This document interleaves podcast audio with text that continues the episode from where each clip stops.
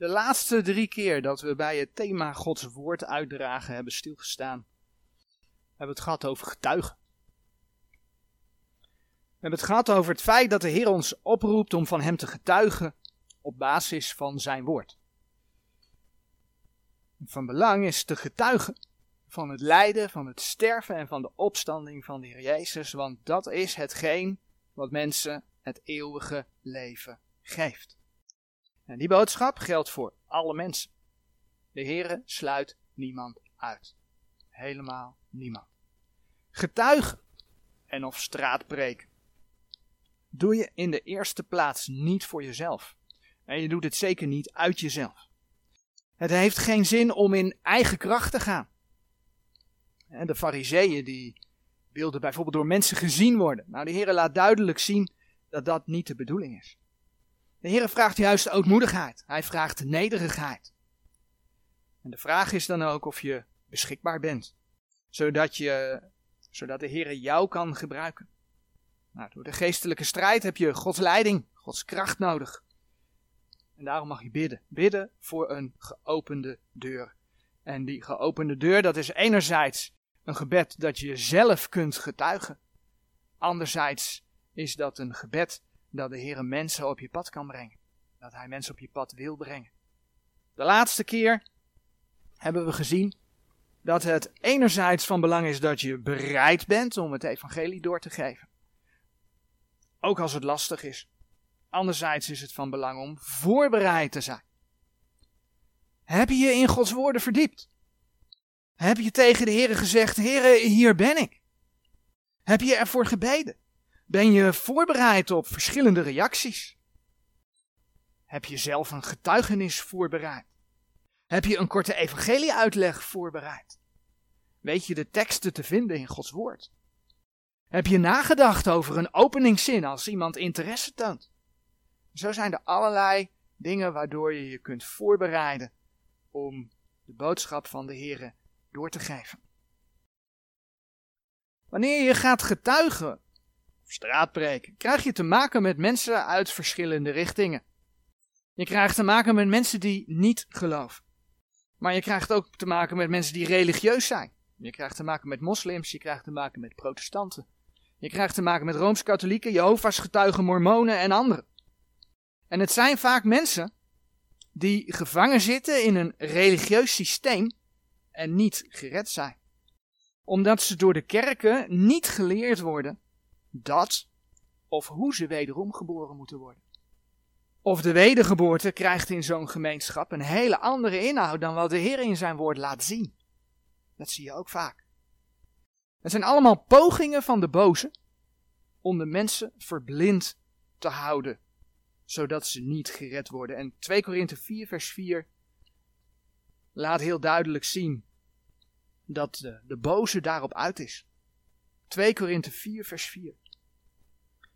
We lezen in dat vers, in de welke de God deze eeuw, dat is de duivel, de zinnen verblind heeft, namelijk der ongelovigen, opdat hen niet bestralen de verlichting van het evangelie der heerlijkheid van Christus, die het beeld Gods is.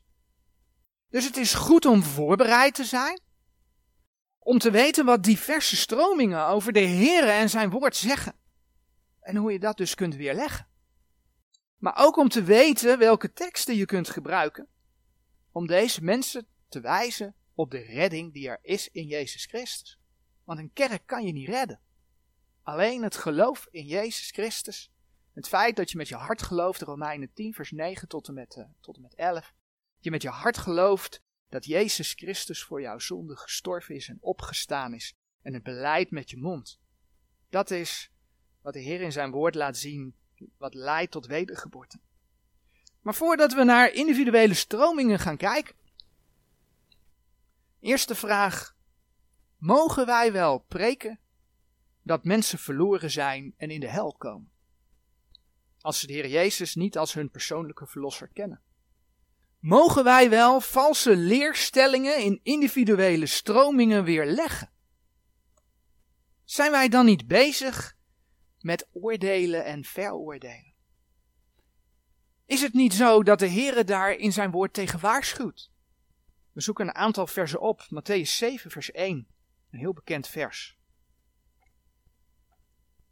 Matthäus 7, vers 1. Een kort vers en een bekend vers. Oordeelt niet, opdat gij niet geoordeeld wordt. Laten we doorbladeren naar Lucas 6, vers 42. Lucas 6, vers 42. Het staat overigens in de context van Matthäus 7 ook, maar het is goed om te zien dat Lucas het ook heeft. Matthäus 6, vers 42 zegt: Of hoe kunt gij tot uw broeder zeggen: Broeder, laat toe dat ik de splinter die in uw oog is uitdoe, daar gij zelf de balk die in uw oog is niet ziet? Gij geveinsde, doe eerst de balk uit uw oog, en dan zult gij bezien om de splinter uit te doen die in uw broeders oog is. En dan bladeren we nog naar Romeinen 2, vers 1. Daarom zijt gij niet te verontschuldigen, o mens, wie gij zijt, die anderen oordeelt. Want waarin gij een ander oordeelt, veroordeelt gij uzelf. Want gij die anderen oordeelt, doet dezelfde dingen. Dus mag je wel oordelen? Of ben je bezig met de splinter bij een ander, terwijl je zelf nog een balk in je eigen ogen hebt? Dat is de vraag. In Romeinen, en dat is dan Romeinen 14, vers 1 tot en met 10 en Romeinen 14, vers 13, daar kun je lezen dat je als gelovige rekening moet houden met een broeder of zuster die op kleine punten leerstellig verschilt. Met een broeder of zuster die, zo staat het in die verse, zwak is in het geloof. We worden opgeroepen om geen aanstoot of ergernis te geven.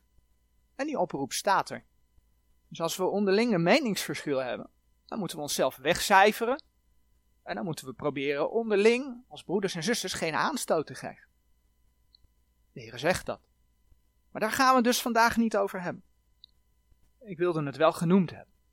Maar die genoemde teksten, bijvoorbeeld Matthäus 7, vers 1, oordeelt niet op dat gij niet geoordeeld wordt. Die worden vaak te pas en te onpas aangehaald. En ik kan eerder uh, beter zeggen, die worden meer te onpas aangehaald dan te pas. Want het is een makkelijk, het is heel makkelijk hè, als, je, als een christen die in de wereld leeft. En als die daarop gewezen wordt om te kunnen zeggen, ja, maar je moet niet oordelen. En dan vervolgens is het klaar. Voor, naar zijn idee. Je mag niet oordelen. Kijk maar, Matthäus 7 vers 1. Of iemand die niet christen is, maar gewoon iemand van de wereld. Ja, voor die is het ook wel makkelijk om te zeggen, ja, maar jij mag niet oordelen. Want ja, om als ongelovige te horen dat je verloren gaat en naar de hel gaat, dat is natuurlijk niet geweldig nieuws. Dus, dus jij mag niet oordelen. En zo hebben massa's christenen zich de mond laten snoeren en wordt de waarheid stilgehouden. En dan te bedenken dat Paulus, en dan bladeren we naar Handelingen 20, dat Paulus in een gedeelte waarin hij in de context spreekt over van stad tot stad reizen, dat lees je in Handelingen 20, vers 23. Dat hij spreekt over in het openbaar verkondigen en bij de huizen verkondigen, dat lees je in Handelingen 20, vers 20. Verkondigen aan Joden en heidenen van het evangelie der genade Gods, dat lees je in Handelingen 20, vers 24. Dat je dus in die context leest in vers 27 dat al de raad Gods verkondigd behoort te worden. Kijk maar in vers 27. Al de raad Gods moet verkondigd worden. Het kan dus niet zo zijn dat teksten, zoals Matthäus 7 vers 1, oordeelt niet, opdat gij niet geoordeeld wordt, gebruikt wordt om de waarheid de mond te snoeren. Want dan zou Gods woord met zichzelf in tegenspraak zijn. Teksten bijvoorbeeld die mensen in het kader van oordelen niet kennen, vaak niet kennen, zijn bijvoorbeeld Johannes 7 vers 24. Johannes 7 vers 24. Oordeelt niet naar het aanzien, maar oordeelt een rechtvaardig oordeel. Blijkbaar mogen mensen dus wel oordelen. Oordeelt een rechtvaardig oordeel. Zo wordt de gemeente in 1 Korinthe 2 vers 15 het volgende voorgehouden. 1 Korinthe 2 vers 15. Doch de geestelijke mens onderscheidt wel alle dingen, maar hij zelf wordt van niemand onderscheiden. Hier wordt niet zozeer het woordje oordelen gebruikt, maar onderscheiden. Maar het is duidelijk dat de gelovige onderscheid hoort te maken. Onderscheid hoort te maken tussen goed en kwaad. Tussen de dingen die van de Here zijn en de dingen die niet van de Here zijn. De gelovige hoort daar wel degelijk een oordeel over te vellen. Een rechtvaardig oordeel. Dit gezien hebbende, laten we kijken naar de context van Matthäus 7. Matthäus 7, vers 1, waar we gelezen hebben. Oordeelt niet, opdat gij niet geoordeeld wordt. In de context daarvan staat bijvoorbeeld Matthäus 7, vers 5. Dat is overigens eigenlijk nagenoeg hetzelfde wat we in Lucas 6, vers 42 gelezen hebben. Maar laten we kijken wat dus in de context staat van oordeelt niet, opdat gij niet geoordeeld wordt. 7 vers 5. Gij geveinsde. Werp eerst de balk uit uw oog en dan zult gij bezien om de splinter uit uw broeders oog uit te doen. Gij geveinsde. Dat betekent gij hypocriet. Of gij schijnheilige. Als voorbeeld kun je dan denken aan de fariseeën. De fariseeën die buiten de schrift om, hè, vaak. Buiten de schrift om. Allerlei regeltjes voor de mensen bedachten. En dan laat Gods woord zien, Matthäus 23, eh, vers 3 en 4 bijvoorbeeld. Ze hielden zichzelf er niet aan. Ze bedachten allerlei regels en zelf. Ah, ze waren hypocriet. Ze waren schijnheilig. Ze waren geveinsd. Nou, deze teksten, Matthäus 7, spelen voor het kruis van de Heer Jezus. Maar dat neemt niet weg dat ook wij ervan kunnen leren. Het is bijvoorbeeld niet de bedoeling dat je anderen gaat prediken, terwijl je er zelf een potje van maakt. Je komt het vaak tegen, mensen die het allemaal heel goed weten. En anderen precies uit de doeken kunnen doen hoe de dingen van de Heer in elkaar steken. Totdat je bij hen zelf komt. Aan eigen hoogmoed, trots, ikgerichtheid, het eigen vlees, ja, daar willen ze niets aan doen. Dat is geveinsdheid. Ook vandaag de dag. Ja, en daar waarschuwt de Heer tegen. Kijk wat Paulus in, in 1 Korinthe 9 vers 27 zegt. 1 Korinthe 9 vers 27. Maar ik bedwing mijn lichaam en breng het tot dienstbaarheid, opdat ik niet enigszins, daar ik anderen gepredikt heb, zelf verwerpelijk word. Dus het begint bij jezelf. In 1 Korinthe 11 vers 31 lezen we. Want indien wij onszelf veroordeelden, zo zouden wij niet geoordeeld worden. De gelovige, als je Jezus Christus hebt aangenomen als je persoonlijke verlosser, komt niet voor het laatste oordeel van de grote witte troon, maar wel voor de rechterstoel van Christus. Maar dit vers in 1 Korinthe 11 gaat ook over het oordeel hier op aarde. In de vorm van bijvoorbeeld, en daarvoor kun je onder andere kijken naar vers 32 van 1 Korinthe 11, bijvoorbeeld in de vorm van kastijding en tuchtiging. Als je als kind van God niet naar zijn woord wil leven, dan zal de Heer je kastijden, dan zal de Heer je tuchtigen. Begin daarom met naar jezelf te kijken, zodat je zelf niet verwerpelijk wordt. Dat is de waarschuwing. Maar de teksten in Matthäus 7 houden dus geen zins in dat de waarheid niet verkondigd moet worden. Absoluut niet. Je wordt alleen gewaarschuwd om niet schijnheilig te zijn. En dan de context van Romeinen 2 vers 1. Romeinen 2 vers 1 waar we gelezen hebben. Daarom zijt gij niet te verontschuldigen, o mens, wie gij zijt die anderen oordeelt, want waarin gij een ander oordeelt, veroordeelt gij uzelf, want gij die andere oordeelt, doet dezelfde dingen. Als we dit vers lezen, zijn heel veel mensen geneigd om dit regelrecht op zichzelf toe te passen. Ze lezen dat als kind van God en denken dat het over hen gaat. Maar als je de context hier leest, gaat het helemaal niet. Dit is niet geschreven aan de gemeente. Ja, Romeinen is een brief aan de gemeente, let op. Maar de context is, het is geschreven aan de mens. Het gaat over de ongelovigen. Gaan we zien. De mens in het algemeen wordt aangesproken, eigenlijk de heidevolken. Paulus laat zien in Romeinen 1 dat hij enige vrucht wil hebben onder de heidenen van Rome. Je leest dat in Romeinen 1, vers 13. En dan zegt hij in Romeinen 1, vers 18 het volgende. Want de toren Gods wordt geopenbaard van de hemel over alle goddeloosheid en ongerechtigheid der mensen als die de waarheid in ongerechtigheid ten onderhouden. Gaat dit over de wedergeboren christen? Nee, dit gaat over de heiden, die de Heer niet kent, die de Heer verworpen heeft. En dan volgt in Romeinen 1 een gedeelte hoe de heidenen de Heer niet hebben gewild, hoe de Heer hen daardoor heeft overgegeven aan allerlei zonden. En dan zegt Romeinen 2 vers 1, Daarom zijt gij niet te verontschuldigen, o mens, wie gij zijt, die anderen oordeelt. Want waarin gij een ander oordeelt, veroordeelt gij uzelf. Want gij die anderen oordeelt, doet dezelfde dingen. De heidenen veroordelen zichzelf. Mensen zijn van nature heel goed met het vingertje wijzen. Zie je hoe slecht hij is? Zie je wat hij doet? Zie je wat zij doet? De mens is geneigd om naar de ander te wijzen en dan te denken: maar ik ben zo slecht niet. Ik ben eigenlijk best wel goed.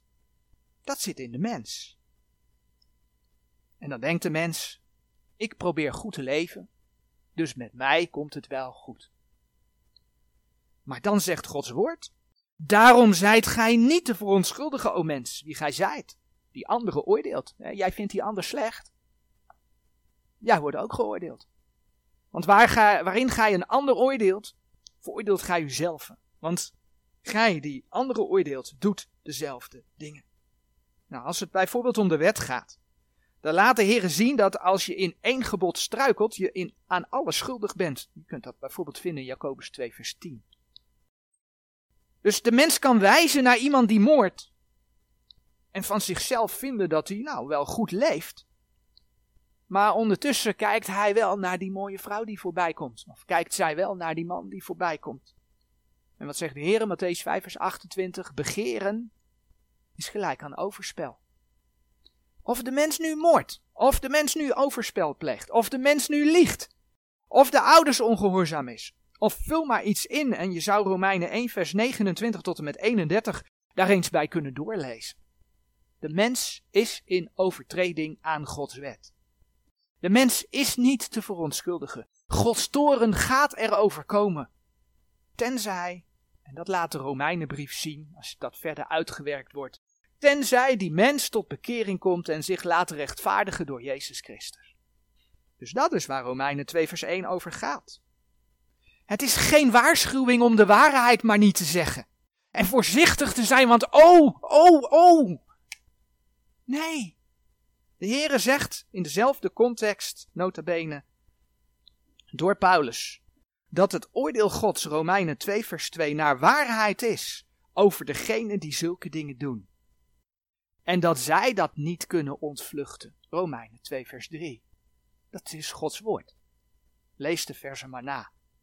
Dat is dus wel degelijk de boodschap die gebracht moet worden.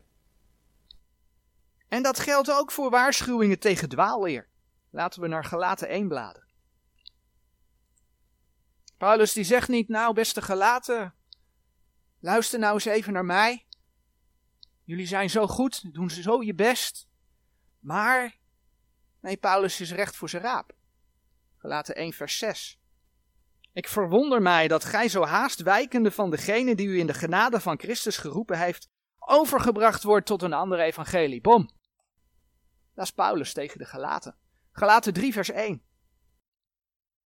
O gij uitzinnige Galaten, wie heeft u betoverd?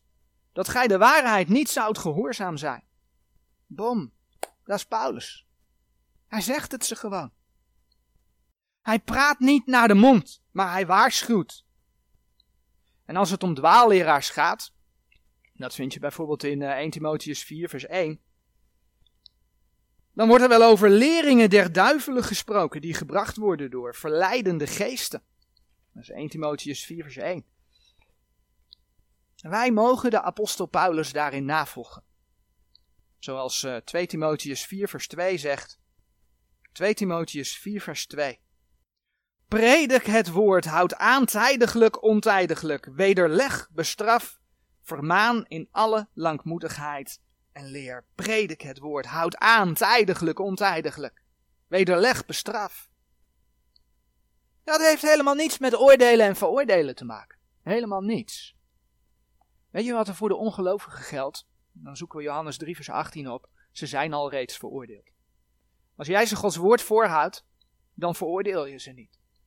Je werkt mee, de Heilige Geest werkt door Gods woord om mensen te overtuigen, Johannes 16, vers 8, van zonde, gerechtigheid en oordeel. Want, zegt de Heer, de ongelovige is al reden veroordeeld. Johannes 3, vers 18. Die in hem gelooft, wordt niet veroordeeld. Maar die niet gelooft, is al reden veroordeeld. Dus hoezo zou je iemand veroordelen als je hem Gods woord voorhoudt? Nee, je roept iemand op om tot bekering te komen. Om het leven in Christus te aanvaarden, te krijgen. Maar die niet gelooft is al reden veroordeeld, terwijl hij niet geloofd heeft in de naam van de enige geboren zonen Gods. Het enige wat hen kan redden is de verkondiging van de waarheid van het woord van God.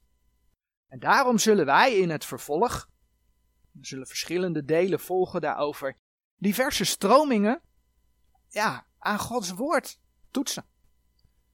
Om je ook weerbaar te maken op straat. Als je diverse mensen tegenkomt. Dat je weet wat je vanuit Gods woord kunt antwoorden. Amen.